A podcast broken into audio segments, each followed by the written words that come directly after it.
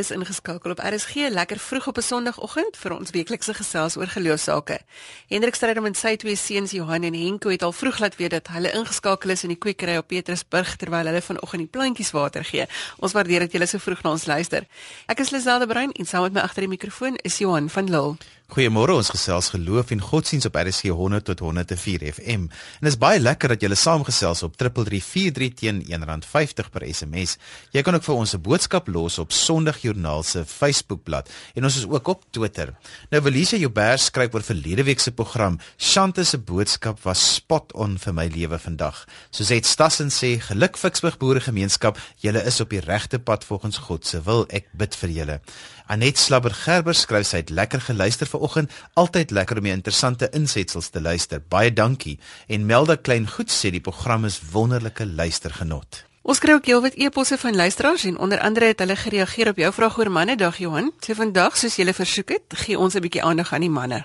Ons gesels onder andere met Dr. Braam Hannekom oor die kerk se verklaring rondom Israel en Gaza. Marie Cronje gesels met Dr. Johan Smit oor 'n konferensie vir manne en Janine van Niekerk gesels met die sanger Leon Ferreira van die manne wat glo beweging oor sy geloofspad. Ons ken almal iemand wat in die verlede grens toe is en nie dieselfde teruggekom het nie. Ek lees onlangs dat daar vandag nog dekades na ons eie grensoorlog baie ou dienspligtiges is wat 'n stryd voer met die trauma van die grensoorlog. Maar vanoggend praat ons oor 'n ander oorlog en dis die een tussen Israel en Gaza. En by ons in die ateljee vanoggend is Dr. Bram Hannekom, die moderator van die NG Kerk se Wes en Suid-Kaap synode. Goeiemôre Bram. Goeiemôre Lisel. Bram, ons het nou al 'n keer wat oor die oorlog gepraat en so het julle as die Suid-Afrikaanse Raad van Kerke ook bymekaar gekom om daaroor te praat. Ja, ons is so 'n week of twee gelede bymekaar en ons het regtig probeer om 'n bydrae te maak en 'n weg vorentoe uit te wys baie belangrik die raad het vir mekaar gesê ons wil nie kant kies nie dis 'n komplekse saak. Ons staan onwrikbaar aan die kant van geregtigheid en ons staan aan die kant van vrede. Wie was almal teenwoordig geweest? Ehm um, feitelik al die hoofstroomkerke in Suid-Afrika en dan ook enkele onafhanklike swart kerke so dis 'n baie baie verteenwoordigende groep kerke wat bymekaar was. En julle was toe by die Israeliese ambassade? Ons was net daarna was 'n klein afvaardiging van ons het in gesprek getree met die Israeliese ambassadeur en gesê wat na ons mening die senuweepunte is waar sonder 'n um, onderhandelbare skikking uh, nie moontlik is nie. Baie belangrik die, die Raad van Kerke uh, uh, staan alle vorms van geweld te. Ons het ook baie duidelik gevra dat die geweld gestaak word maar ons is ook nie naïef nie. Ons besef dat as ons 'n onderhandelde skikking soos ons in Suid-Afrika gekry het, daar op die tafel sit, is daar 'n paar senuweepunte waarby ons nie verbygaan kan kan kom nie en ons het baie openlik en ernstig en reguit met mekaar daaroor gepraat. Eers wil ek net gou stil staan. Hierdie is 'n baie komplekse situasie. Dit is 'n dis 'n komplekse situasie wat op baie vlakke uitspeel. Uh daar is 'n um, uh, uh, histories politieke konteks met bepaalde uitdagings wat dan oorloop in bepaalde menseregte vrae en internasionale reg vrae wat baie dikwels op die tafel kom. Uh daar is bepaalde onmiddellike kwessies, uh, dringende kwessies, krisiskwessies soos wat ons nou in Gaza beleef wat hanteer moet word. En dan is daar ook baie belangrik bepaalde religieuse ondertone en mense wil dit nie altyd erken nie, maar ek het min twyfel in my gemoed daaroor dat as 'n mens nie dit eerlik in die oë kyk en aanspreek nie, gaan mense ook nie uh, vorder in die proses nie. Ek wil net ons moet gou op daai drie kwessies fokus want mense was baie kwaad vir my toe ons in 'n vorige onderhoud gesê het hierdie bekleierery gaan oor land. So dit dit gaan oor grond. Daar is 'n grondbekleierery, maar daar is 'n religieuse ondertoning. Jy gaan nou vir ons hierdie drie onderstrominge ja, verduidelik. Ja. Kyk, dit gaan definitief oor land. Dit dit gaan nadat die Jode teruggekeer het nadat hulle eintlik 2000 jaar nie in die land gewoon het nie, in die Palestynë in die land gewoon het. En daar 'n vorm van besetting plaasgevind het. En die vraag is nou, wat kom wie toe? Wie was eerste daar? Dis die ou ou debat. Maar onder hierdie gesprek en dit is wat mense misken, is daar is daar bepaalde teologiese godsdienstige onderstrominge as ek dit vinnig op die tafel kan sit. Aan die kant van die Palestynë kry mense in bepaalde islamitiese groepe soos Hamas die oortuiging dat hierdie 'n opdrag van Allah is wat sê elke duimbreedte van die land moet herwin word en dit moet onder die heerskappy van Allah gestel word. Dit is 'n baie sterk geloofs-oortuiging wat die wat die wat die konflik van daardie kant aanvuur en dit eintlik vir die leiers onmoontlik maak om met die Jode te onderhandel omdat hulle net sê maar as ons met julle onderhandel is ons ongehoorsaam aan Allah. En dit is so so dit is aan die aan die Palestynse kant. Hierdie is nie 'n feit wat jy uit jou duim uit sê nie, want jy sit voor jou met die Hamas Charter. Ja ja, ek sit met die die Hamas Charter in die 88 hier voor my wat dit op 'n paar plekke baie baie duidelik gestel word waar ehm um, um, medegeloofsgenote opgeroep word tot hierdie jihad, die heilige oorlog om te sê, maar ons doen goed hiermee. Ons is regtig besig om die land te herstel en dit word letterlik hier gesê elke duimbreedte van die land moet weer herwin word. Dit moet uit die hande van die infidel, die ongelowige geneem word en teruggesit word in 'n islamitiese staat onder die heerskappy van Allah. Dit is die dit is die aan aan die aan die aan die Palestynse kant. Aan die aan die die Joods-Christen kant is daar drie strominge. Daar is die die die charismatiese uh sioniste kant wat sê nee, dit, dit is 'n belofte van God aan Israel dit kom uit die woord uit en daarom is die hele land Israel moet herstel word in sy oorspronklike grense. Dis nou baie simplisties gestel, maar dit is die die die kort dis die eerste moontlikheid. Die tweede moontlikheid in die protestantse wêreld is daar 'n groot stroom wat sê nee. Kom ons kyk mooi na die Bybel. Toe Jesus Christus sy oordeel oor die stad uitgespreek het en die tempel in die stad inderdaad in 70 na Christus vernietig is, het die ou bedeling gestop en daar 'n nuwe bedeling gekom waar die volk van God, die nuwe Israel, nie meer net uit Jode bestaan nie, maar uit gelowiges oor die hele wêreld en het die staat Israel eintlik uh, opgehou om te bestaan soos wat ons dit in Bybelse ken, Juda, Samaria en die 12 stamme geken het. So dis die dis die tweede uh, die tweede standpunt. Dan's daar 'n derde standpunt wat gerespekteerde teoloë soos Karl Barth, Berghof, Moltmann en en ander op die tafel gesit gesê het, maar God het ook 'n verbond met die Jode gesluit.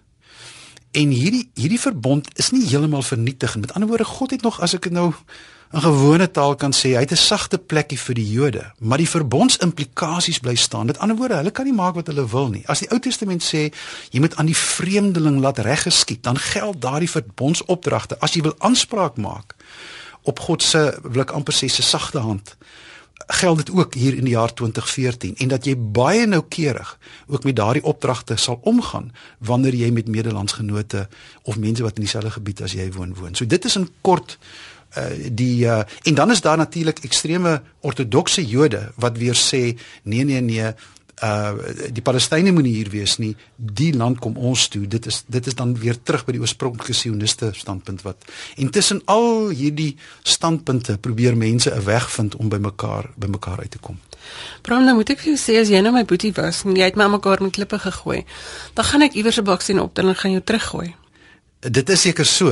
Ehm um, dit ek ek wil twee dinge hieroor sê. Ek dink en ek dink jy verwys waarskynlik na die vier pile wat geskiet word. Ek dink mense moet dit aanvaar. Die oomblik as jy jou tot geweld wend, word alle reëls eintlik verbreek. Ek wil ek ek kan nie vir jou klap. Maar die oomblik as ek vir jou klap, dan sê jy vir my jy mag my net so hard klap soos wat ek jou geklap het nie.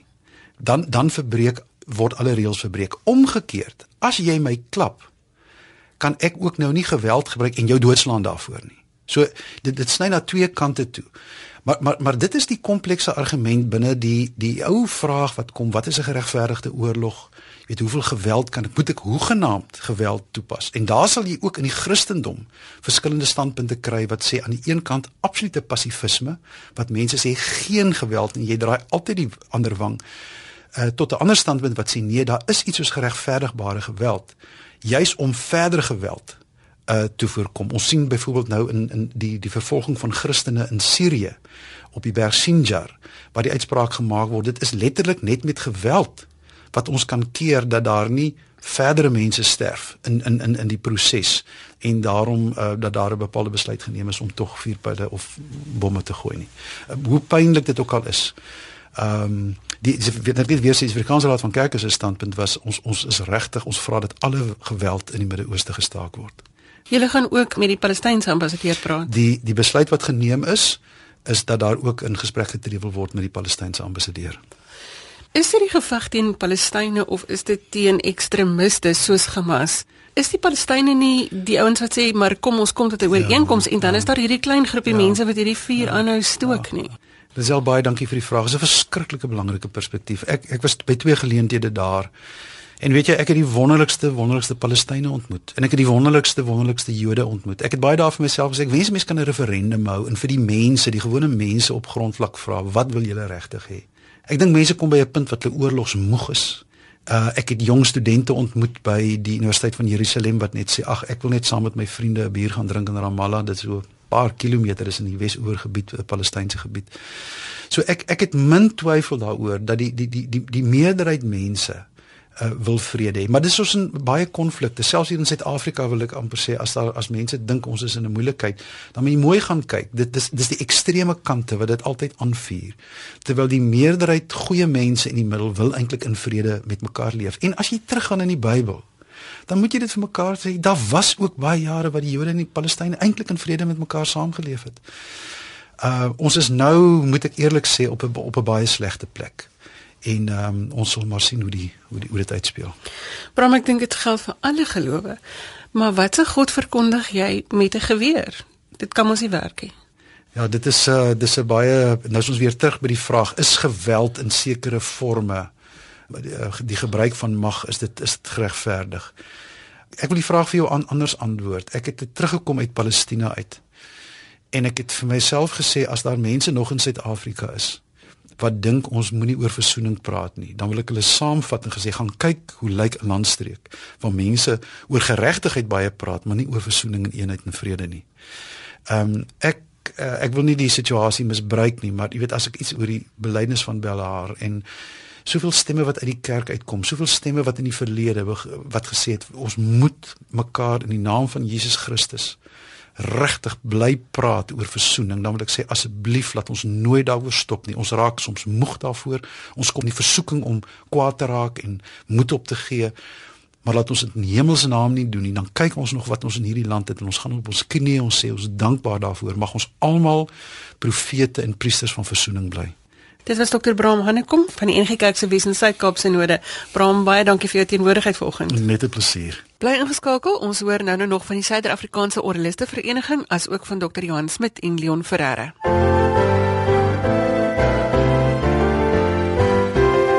Vanoggend sluit Gerard Jordaan wat die voorsitter is van die Suider-Afrikaanse Kerkoraliste Vereniging by ons aan. Gerard, vertel eers vir ons wat is die Kerkoraliste Vereniging? Hallo Johan, ons is baie bevoorreg om hierdie klomp oraliste bymekaar te kan hê. Eh, die Oraliste Vereniging is in uh, eh, 1980 gestig um, met die doel om veral aanvanklik 'n protestantse kerkmusiek in Afrikaanse kerke te bevorder. Maar ons het toe later vriende gemaak met ander kerkgenootskappe ook en ja, ons het op die oomblik omtrent uh, 800 lede wat reg oor die hele land versprei is. En ons plan is maar om die belange van kerkorgeliste te dien. Vertel 'n bietjie vir ons van die rol van die kerkorgel nog in die kerk vandag. Jy sien, ehm um, baie mense is geweldige doemprofete en dink die orgel het glad nie meer 'n plek in vandag se kerk nie. Maar dit is nie wat ons eintlik raak sien nie. Ehm um, ons probeer eintlik kyk die die orgel is 'n moeilike instrument en het 'n geskiedenis van in onmin raak by die publiek en dan weer terugkom, jy weet, en so aan selfs nie het na Bach het ons se tyd gehad hier met die eh, reformatie was daar so tyd. En Mozart se tyd was byvoorbeeld nie veel vir orgel geskryf nie. Maar elke keer kom die orgel weer terug en so ek dink steeds in vandag se kerke, weet jy, ek probeer na die positiewe goed te kyk en dit ons kan ek kan vir jou baie mooi statistieke gee van hoe jong mense nog steeds geïnteresseerd is om orgel te speel. En dit is juist wat ons nou mooi sien met hierdie kompetisie van ons. Vertel vir ons van die beurswenners kompetisie wat jy het. Um, ons was gelukkig dat uh, ons anonieme uh, donateur in Bloemfontein uh, het wat vir ons 'n groot bedrag geld geskenk het juis vir die bevordering van Suid-Afrikaanse kerkmusiek uh, in in die Afrikaanse kerke. En dit is nou al ek dink die 5de jaar wat ons hierdie beurskompetisie elke jaar hou en elke jaar groei dit. Uh, ons het 'n klomp kategorieë, jy weet, so dit word die, die groot fokus is op kerkorgeliste. En daarvan het ons ook die meeste aantal inskrywings, maar dan staan daar die studente wat by universiteite studeer, verskillende vlakke, jy weet, soos met uitvoerende tot, eh, tot by doktorale vlak. En dan gee ons ook vir die mense 'n geleentheid om as hulle wil, ons sê hulle wil in die buiteland uh, byvoorbeeld meesterklasse gaan bywoon of 'n konferensie by 'n konferensie gaan praat dan gee ons hulle geld en probeer hulle dit ondersteun daar in daai verband. En ook ehm um, het ons beurse vir ehm um, orgelbouers want jy weet as die orgels nie in die land in stand gehou word nie dan help dit nie. Ons het goeie orgeliste nie Dit bring my nou by 'n baie interessante punt. Wat is die toestand van die kerkorgels in ons kerke op die oomblik? Dit hang van streek tot streek af. Ek dink as ons altyd maar uh soos soos wat die geld minder word in gemeentes, is dit natuurlik ook 'n duur instrument om in stand te hou. Baie kerke natuurlik maak ook toe en tweedehands instrumente kom op die mark. Maar dan is daar ook nuwe orgels wat gebou word. Uh orgels wat ingevoer word uit die buiteland uit. So wat ons aan die een kant verloor kan ons aan die ander kant by. Gert, hoeveel kerkorgelbouers is daar dan nog in Suid-Afrika want ek neem aan dit is 'n vaardigheid wat nie so algemeen meer voorkom in Suid-Afrika nie. Weet jy ek kan nou nie vir die statistieke gee nie, maar ek sou sê kyk in elke streek is daar ten minste een of twee orgelbouers wat wat nog steeds dan nou nuwe instrumente bou of ou instrumente restoreer en dan weer insit in kerke. Dan praat ek nou maar van ons provinsies, jy weet. So. Nou julle gaan teen die einde van die maand julle eh, jaarlikse beurswennerskonsert aanbied in Durban vertel ons van vorige wenners van hierdie konsert. Verlede jaar het ons ek, ek dink ons het amper 600 000 rand uh, kon uitdeel aan aan orrel kandidate. En ons werk in 3 jaar siklusse. So hierdie jaar het ons nou so 'n bietjie oor die 300 000 wat ons nou weer gaan uitdeel aan um, orreliste. Verlede jaar het ons vir Wienand Grinling van Stellenbosch die oorseese beurs gegee um, om daar te gaan studeer. Maar het natuurlik ook nog mense soos die Wandrey wat uh, Boonsaier van Port Elizabeth wat 'n uh, meestersgraad beurs gekry het en hy het in Amerika toe gaan 'n uh, bietjie gaan kyk hy doen navorsing oor die Morawiese kerk in Suid-Afrika. Hy was in Amerika toe om te kyk wat die oorsprong van die van die kerkmusiek is daar. Gaan dit hoekom het julle die beursvenners konsert spesifiek in die St Thomas Kerk in Durban? Johan ons uh, probeer om nou elke jaar ons algemene jaarvergadering uh, en dan waar aan die kompetisie uh, verbonde is deur die land te versprei. So ons het uh, baie lanklaas in, in Natal 'n uh, kompetisie of jy weet 'n sametrek gehad. En so hierdie jaar gaan ons na Durban toe. Uh, ja, dit is nogal moeilik om eintlik die uh, regte uh, instrumente kry wat uh, goed klink en in 'n goeie omgewing is. Jy weet want baie van die kerke staan dalk um, in die middestad waar daar baie lawaai is en so. So St Thomas is 'n kerk wat uh, 'n mooi Engelse romantiese orgel in het. Uh, ook in 'n goeie omgewing staan. Ehm um, en is ook 'n tradisie van musiekkonserte. So ons wil dit graag daar hou. Dit was Gerrit Jordaan wat die voorsitter is van die Suid-Afrikaanse Kerkorgeliste Vereniging en hulle hou die algemene jaarvergadering asook die jaarlikse beurswennerskonsert op die 29ste en die 30ste Augustus 2014 by die St Thomas Kerk in Musgrave Road in Berea Durban. Jy luister na RSG in die programme Sondagjoernaal. Jy kan inligting van ons gaste op RSG se webwerf kry by rsg.co.za en jy kan natuurlik ook die programme se potgooi aflaai indien jy weer wil luister of as jy 'n insetsel vir iemand anders wil aanstuur. Nou ja, soos ons gesê het, van ons fokus vanoggend op die manne en Marie Cronje het met Dominee Johan Smit gepraat oor man se stryd en pad met geloof. Dr. Johan Smit is 'n leraar by die Morletta Park gemeente en ons gaan vanoggend bietjie met hom gesels oor die geloofslewe van die man. Johan, daar word soveel eise gestel aan mans deesdae en dit is of dit net meer en meer en meer word. Hoe beïnvloed dit sy geloofslewe dink jy? Ja, Marie, dis 'n moeilike tyd vir vir man wees. Ek sê altyd ek onderskei en ek weet dit is dit is dalk nie heeltemal reg nie, maar ek onderskei altyd die man in sy innerlike, die man en homself en daai oorlog wat wat binne in hom woed wat sy eie geloof aanbetref, wat sy eie ek wil amper dit noem die versoekings wat na sy kant toe kom. Ek bedoel manne het geweldige oorloggies aan die gang elke dag rondom versoekings of dit nou drank is of dit nou chemiese afhanklikheid is of dit nou die druk is wat te veel raak wat wat maak dat jy gryp na goed of dit nou pornografie is of wat ook al mans is baie visueel ingestel en ons moet eerlik wees daaroor ons moet reguit wees daaroor so dis iets van die man in homself dan staan nog die eksterne faktore. Ek bedoel die baas by die werk, die die druk van die werk, die inkomste wat ek moet ver, uh, verdien. Dan staan vrou by die huis, weet daar's 'n huwelik wat 'n geweldige verantwoordelikheid is, nie net sommer nie, dit is dit is 'n verantwoordelikheid wat die Here vir my gee en, en daar's kinders by die huis wat eise stel aan pa en en verwagtinge het van pa. So die totale pakket van hierdie twee goeters, jy weet die, die, ek en myself en my eie wrogings en dan nog die eksterne faktore wat wat 'n rol speel, is geweldig erg vir mans vandag. En hy neem sy toevlug tot ander hulpmiddels, maar waarom nie tot God nie? Weet jy, ek dink tog daar is baie manne wat roep na God, wat gryp na God. Ongelukkig is daar natuurlik baie ander goed wat 'n mens eers probeer voor jy daar uitkom. Ehm um, maar nou is die ding ook weer, weet as 'n mens net altyd met hierdie goedkoop antwoord kom van God is die antwoord of Jesus is die antwoord, dan sê ek altyd maar ons moet manne help. Hoe is hy die antwoord? Verstaan ons moet prakties raak daar daaroor in my werksituasie, in my huwelik, in my gesin, in my eie versoekings wêreld wat ek in leef. Hoe is hy die antwoord? Hoe hoe kan hy my help? Hoe kan hy 'n rol speel? Ehm um, hoe kan my geloof prakties wees en prakties raak? En as jy in daardie situasie is, weet jy seker ook nie meer hoe om by God uit te kom nie, want iewers langs die pad het jy hom verloor. Dit gebeur met so baie mans. Jy weet, ek bedoel, as gevolg van teleurstellings, as gevolg van lê op die grond en bloei, as gevolg van jy voel jy word rondgeskop en, en niemand hoor jou nie, niemand het begrip vir jou situasie nie. Ja, baie van hulle is of in 'n geloofskrisis of verloor geloof iewers langs die pad. Dink jy dit is waarom die die byeenkomste vir mans so populêr geraak het die laaste paar jaar? Ek dink definitief so. As jy vat van van die byeenkomste wat bygewoon is deur deur 10000 manne, verstaan jy hoekom? Is dit is dit net oor die lekker daarvan? Nee, dit gaan nie net oor die lekker daarvan nie. Dit is lekker vir manne om by mekaar te kom en en regtig net jou jou man wees te kan te kan uitleef, maar in in hierdie geval naak voor God. En jou emosies wat hy moet wys. 'n Man man is mos nie lief om dit te die, doen. O nee nee nee nee, ek bedoel cowboys don't cry, maar jy ken mos nou daai ou sê dingetjie wat kom van 'n van 'n gewilde sportman en so aan. Ehm um, weet jy manne het emosies. Ek ek sê altyd vir mans as hulle vir my sê, weet jy, ons is ons is nou nie so emosioneel nie. Gaan kyk na kwaad word, gaan kyk na aggressie. Wat is dit anders as emosie? Die emosie is net baie negatief. Ehm um, dis nie dat ons nie emosie het nie. Dit sê ons weet nie wat om daarmee te maak nie. En julle gaan nou 'n geleentheid bied vir almal is welkom soos ek verstaan vir nog 'n Daniel konferensie. Net eers, wat is die tema? Verlede jaar was man na God se hart en ons het gevoel dis definitief nie afgehandel nie. So ons noem hierdie jaar doodgewoon man na God se hart nommer 2 of hoofstuk 2. En dit is die naweek van 22 tot 24 Augustus hier in Pretoria in Moreletta Park gemeente. Ons nasionale Daniel konferensie. Ons is verskriklik opgewonde. Soek alle mans hier, oud en jonk van reg oor die land. Ek sien op die biljet staan hier so jong Daniels kom saam, bring vir pa, pa bring jou seun. Dis presies. Ek bedoel ons het wonderlike sprekers. As ek nou dink aan Boeta Dippenaar, die cricketspeler wat by oud en jong sal afgaan.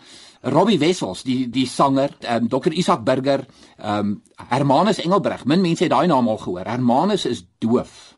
En Hermanus praat deur 'n tolk en ek kan nie vir jou sê hoe aangrypend is dit om na hierdie man te luister nie. Jy luister eintlik na sy tolk, maar wanneer hy met jou praat en dis handgebare en dit gaan 'n wonderlike geleentheid wees. Wie's van die ander sprekers? Nog bekende name? Weet jy Brand Pretorius wat ek ek, ek noem hom meneer Toyota Suid-Afrika, meneer McCarthy Suid-Afrika, een van die topsake manne wat hierdie land nog ooit opgelewer het. 'n Fantastiese man. Ek het al 'n paar keer die voorreg gehad om na hom te luister. Mani Botha wat baie baie goed is met jong mense. Die lofprysing wat weer deur Louis Brits en sy span gedoen word.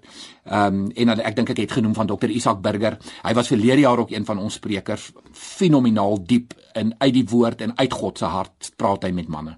Nou jy sê die konferensie gaan plaasvind op die naweek van die 22ste tot die 24ste. Dis reg, begin die Vrydag aan die 22ste en ons maak klaar Sondag Sondag die 24ste Marie. En jy het ook 'n lofkonsert, verstaan ek? Ja, dis 'n eerste, dis 'n nuwe waaroor ek verskriklik opgewonde is. Jy weet 20 jaar gelede het Louis Brits sy eerste lewendige CD opgeneem, Kook vir die koning. En dis nou presies 20 jaar later. Dit was 94 gewees. En ek was betrokke nogal by die by die by die vrystelling van daai CD in my in my VCSV daar. Nou is dit 20 jaar later en nou kom Louis en sy span daardie aand die Saterdag aand van van van die Daniel konferensie en hulle kom neem kook vir die koning 20 jaar later weer lewendig op. So is 'n lewendige CD opname. Dit gaan 'n lofontploffing wees. Dit gaan 'n lofprysingskonsert wees. Ek sê weer dis 'n besonderse naweek wat geen man mag mis nie. En wat is die kostes vir die naweek? Kostes is R170 per persoon vir die naweek en jy koop jou kaartjie deur itickets.co.za. Ek herhaal dit net weer, itickets.co .za. Enige navrae met wie kan hulle skakel? Hulle skakel met Annelie. Annelie is die administratiewe dame wat werk met ons inskrywings. Kontak vir Annelie by 012 997 8088.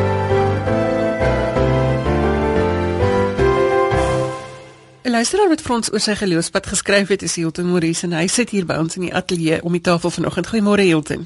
Môre is ja. Hilton, jou lewe het verander vandat jy in 'n sterk geloofsgemeenskap ingeskakel het. Vertel vir ons daarvan. Uh Lisel, dit het so so 'n paar jaar gelede begin. Ek het my vrou so 10 jaar gelede verloor aan maagkanker. Ek moes uh die kinders alleen op my eie grootmaak.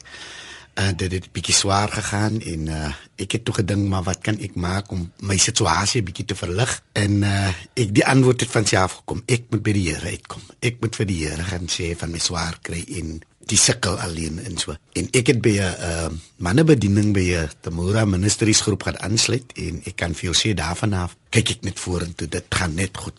Vertel ons 'n bietjie van die mannebediening. Wat doen julle alles? Ons is eintlik in die lewe geroep om die minderbevoorregtes, die mense wat wat swaar kry 'n bietjie te help en te bemoedig en so. Ons reik uit ons is uh, ons kom van verskillende agtergronde en uh, elkeen elkeen man kom daar met mense met behoeftes. Ons besoek van die gemeentelede wat bietjie swaar kry en so. En ons ons reik uit ons probeer help daar wat ons kan. Maar jy help in julle gemeenskap. Dis korrek ja, dit maak nie saak of jy nie aan aan aan ons bediening behoort nie. As ons hoor van jou of jy het 'n nood en so en ons is by magte om te kan help, dan help ons daarso in ons uh vorder ietsie in en oorhandig dit vir die mense en so. Julle is 'n onafhanklike kerk. Wat is die behoeftes van die mense in die omgewing? O, hulle is al die, die behoeftes uh, dit wissel, maar die werkloosheidsyfer uh, is groot. Dit is verskriklik onder die mense en die die mense hulle werkie maar hulle het 'n klomp kinders en en dan kom die drugs in die tikverslawing en en die ongehoorsaamheid. Daar is 'n groot behoefte in in Wellington en So die kinders gee vir die ouers 'n bietjie probleme wat wat gehoorsaamheid en wat hulle misbruik aanbetref.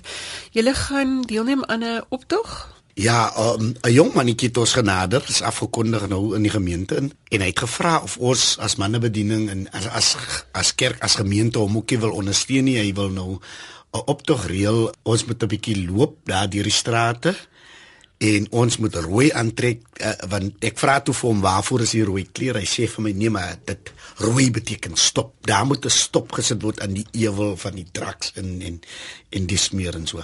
Hilton, dink jy daar's 'n oplossing vir hierdie probleem van van kinders wat aan dwelms blootgestel word? Hoe gaan ons hierdie ding gestop kry?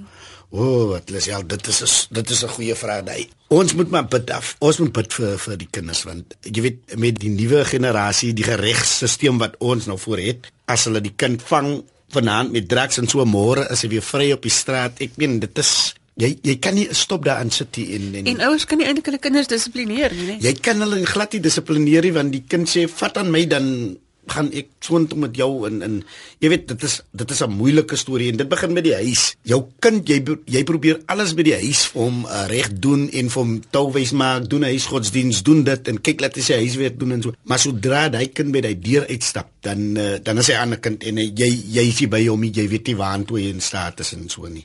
Hilton ons fokus vanoggend op manne. Wat sal jou boodskap wees vir ander gelowige manne? Ek het geleer, daar was baie dae gewees wat ek ook al wil tou opgooi, jy kry swaar, daar's die gehaltie en so.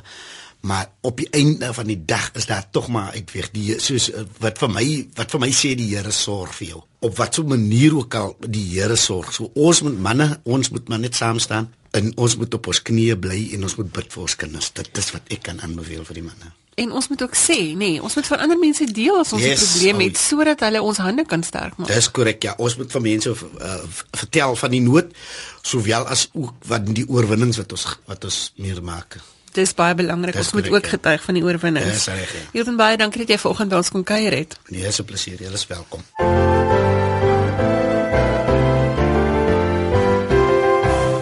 Ons kyk gou wat gebeur oral in die geloofsgemeenskappe in Suid-Afrika. In Potchefstroom is daar 'n dieper konferensie by die NG Kerk Miederpark van die 4de tot die 6de September en die sprekers is Richard Blackaby en John McGregor van die FSA en François Carr. Die gemeente van Willowmore in die Oos-Kaap word 150 jaar oud en gaan groot fees vier.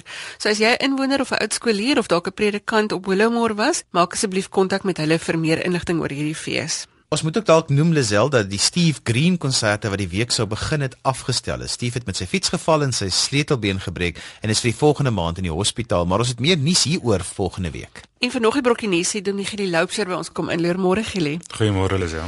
Jy het 'n opleidingsgeleentheid rondom die #Imagine beweging. Ja, 'n geleentheid wat ons mekaar as leiers weer oor die Imagine beweging in ons land wil ontmoet en kyk wat is die Here aan die doen. En wat gaan julle doen by hierdie byeenkoms? Ons noem dit Imagine Ignite. So die naam het so ietsie al verklap van wat daar gaan gebeur. So ons wil graag geestelike leiers en spesifiek wat met die jeug werk, ehm um, weer aan die brand steek. Nie dat hulle nie is nie, maar sommer net weer dalk die vlam aanblaas. So die geleentheid gaan gaan definitief 'n versorgende kant aan dit hê. Dit gaan ook in die tweede plek 'n uh, toerustingskant hê.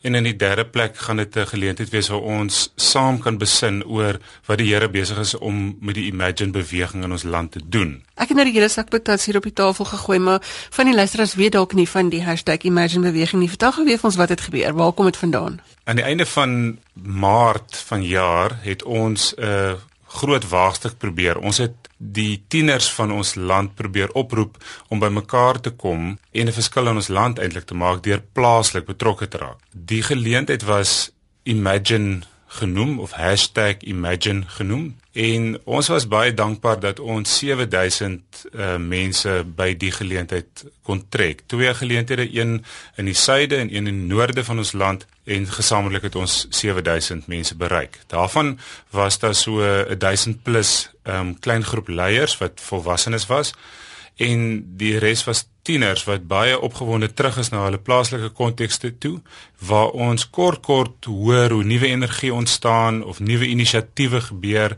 soos die gees ook um, gemeentes en groepe oprig om iets te doen in hulle in hulle gebied. Maar ons het ook besef dat die 1000 plus klein groep leiers wat ons gehad het, 'n onderongunde ehm um, bron van krag is wat die Here vir ons gee. So ons wil baie graag weer die leiers bymekaar kry en het so 'n konferensie wat ons beplan ehm um, die 26ste tot 28ste Augustus in Wemmershoek kampterrein hier in die suide van ons land net buite die mooi Franshoek langs die Parel.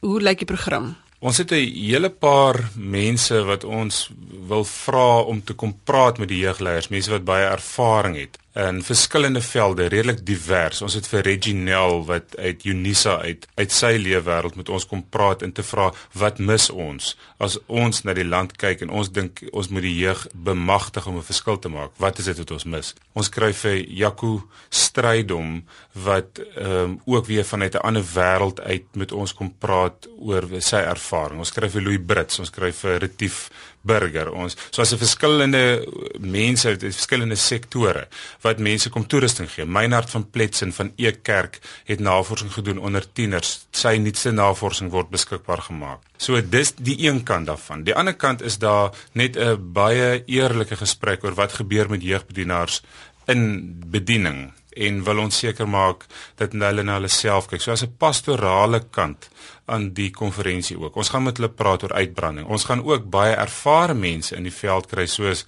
uh Ouma Lanel om te kan sê wat is die ding wat mense moet keer dat jy nie gaan uitbrand in jeugbediening nie. Ehm um, en meer 'n pastorale inslag van mense wat alreeds deur hierdie pad gestap het en vir ons met goeie raad kan bedien. So daar gaan ook baie ruimtes weer wees. Ons het by die Imagine movement of ja, Ons het by die Imagine Experience is die groot twee groot byeenkomste nogal gesien dat as ons ruimtes maak wat mense na 'n tent toe kan gaan of so en 'n belewenis kan kry, dit hulle baie gaan help. So ons gaan baie moeite doen om ruimtes te skep waar mense kan gaan stil raak, waar hulle sekere goed kan beleef, wat hulle in hulle eie prosesse kan gaan pastorale versorging vir hulle gaan wees dis die ander kant van dit. Maar dit is baie belangrik dat hierdie 'n lewende ding moet bly, nê? Nee? Net soos die tegnologiese wêreld vinnig verander, verander die wêreld van die tiener ook verskriklik vinnig. En mense moet konstant aanpas en en bybly om om dan ook vir hulle te kan bedien. Ja, en ons moet probeer agterkom wat die Here deur sy Gees besig is om te doen. En dis daarom 'n baie belangrike gesprek oor wat ons volgende jaar weer in die groot Imagine Experiences wil doen. Ons beplan 4 geleenthede volgende jaar weer gelyktydig die 10de tot die 12de April. Hierdie keer het die Vrystaat Noord-Kaap ook hand opgesteek en gesê die Here dryf hulle om iets te doen en ook die Oos-Kaap. So ons is so in alle windrigtinge van ons land volgende jaar. Maar om presies te weet wat die Here se wil is vir ons vir volgende jaar se groot byeenkomste, wil ons die leiers hoor en hierdie is 'n geleentheid waar ons hulle bymekaar kry om ook na hulle te luister.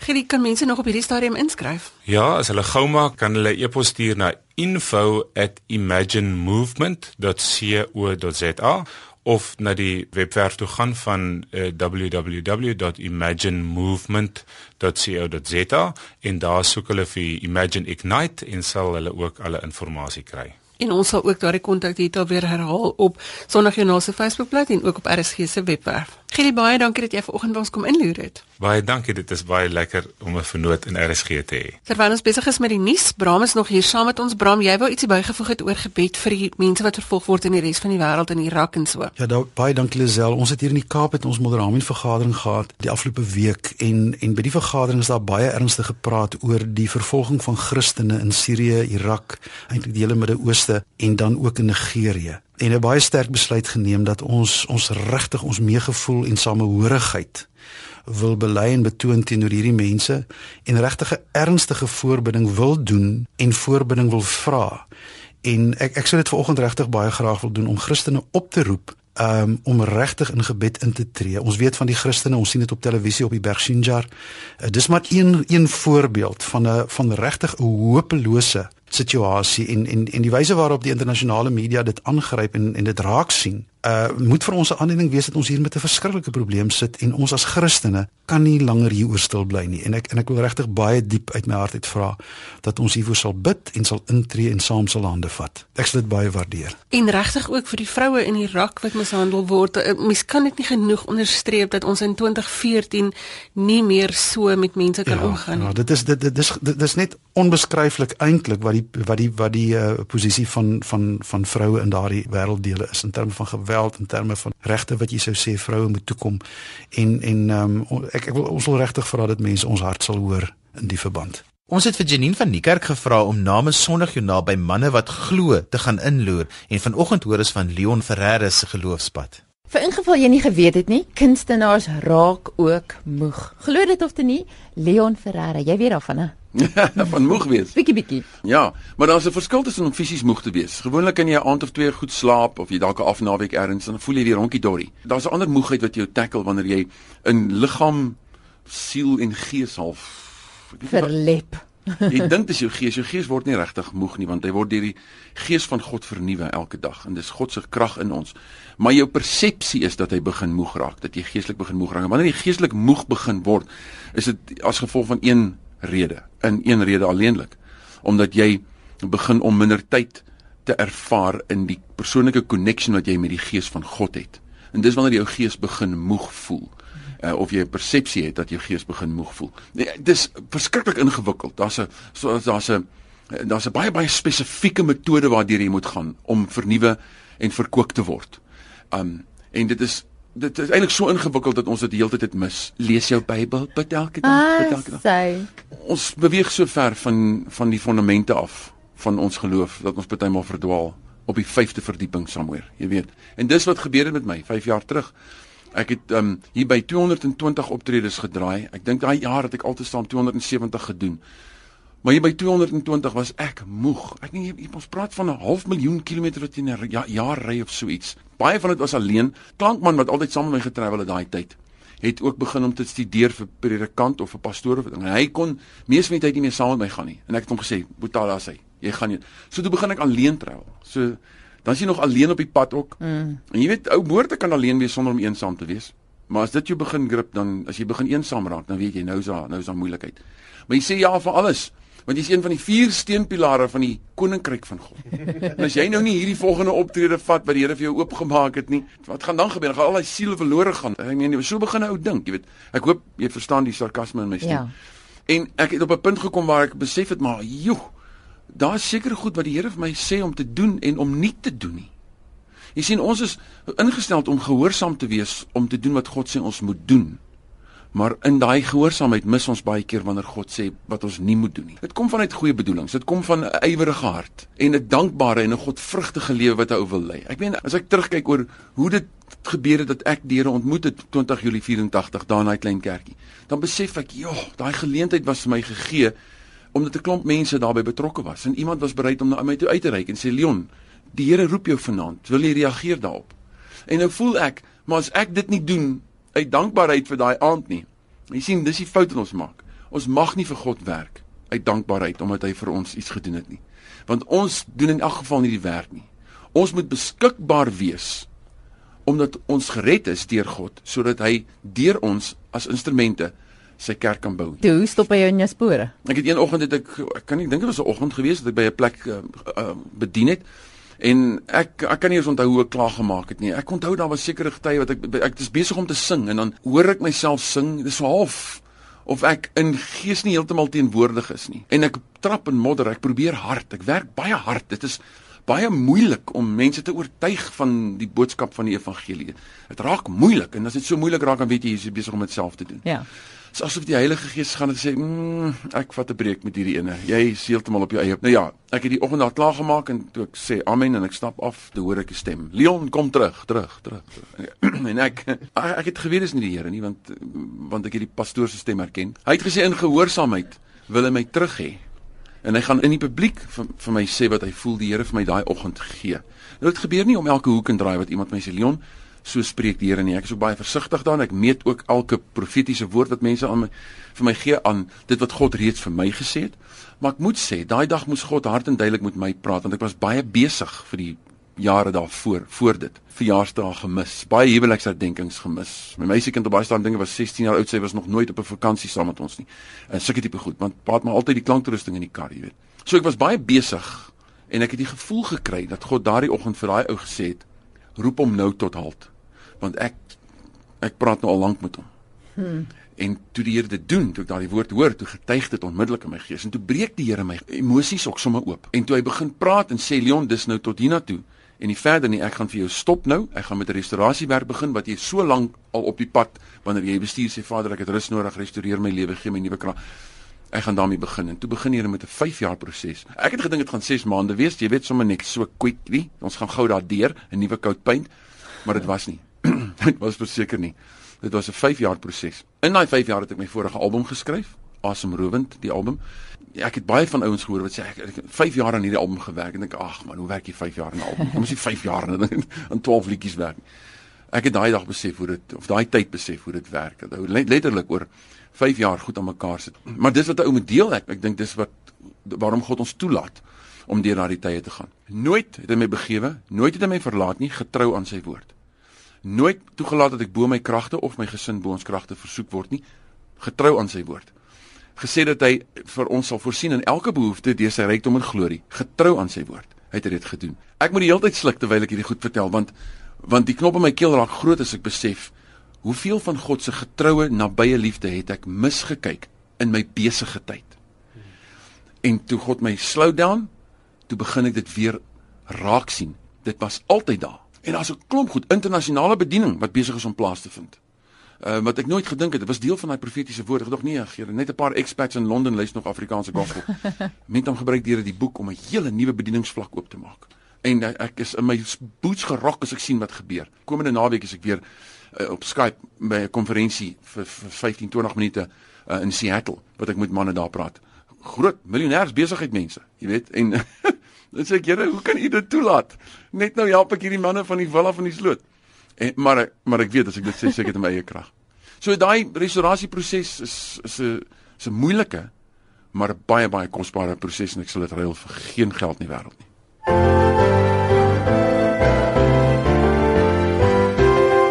En daarmee is ons kuier so te sê op 'n einde. 'n Laaste woord van Janie Leroux, ons inspirasieman. Johan, kom ons gesels oor spesiaal vir Jesus. Daar's soveel mense wat deesdae kyk na kookkompetisies. Soms vra die beoordelaar, "Hoekom neem jy deel?" En dis vir my aangrypend mooi as soveel mense dan sê, "Ek doen dit vir my familie. Ek wil vir hulle 'n beter toekoms gun." Of hulle doen dit vir iemand spesiaal. Jy kan sommer in hulle gesigsuitdrukking hulle liefde en passie vir die spesiale mense sien. Mense wat iets doen vir iemand spesiaal kry spesiale krag wanneer hulle moed wil verloor in 'n strawwe kompetisie. Dit laat hulle aanhou en uithou. Kan jy dink hoe anders jy sal leef en lag, werk en woon as jy weet dis vir iemand spesiaal? Jy gee nie net die gewone nie, jy gee die uitmuntende. Dit gee passie en hoop. Dit steek entoesiasme aan die brand. Dit gee energie wat die wêreld verlig. Paulus moedig ons aan in Kolossense 3 vers 23. Wat julle ook al doen, doen dit van harte soos vir die Here en nie vir mense nie. Met ander woorde, doen wat jy hierdie week doen soos vir Jesus, spesiaal vir Jesus en jy sal nuwe krag ontdek. Vir meer inligting oor vandag se program kan jy aansluit by Sondagjoernaal se Facebookblad. Word deel van die geloofsgemeenskap en vertel vir ons van interessante mense en dinge in jou geloofsomgewing. Inbox of e-pos is ook reg. Stuur die inligting na Lazel by wwd.co.za. Onthou jy kan ook 'n potgooi van die program aflaai op RSG se webwerf by rsg.co.za. Bly ingeskakel vir die 8 uur nuus net hierna. Tot volgende Sondag van my Johan van der Totsiens. Ek hoop jy het lekker saam met ons gekuier. Tot volgende Sondag, dieselfde tyd en dieselfde plek. Groet ek namens Neil Roo agter die kontroles en ook van my Liselde Brein. Totsiens.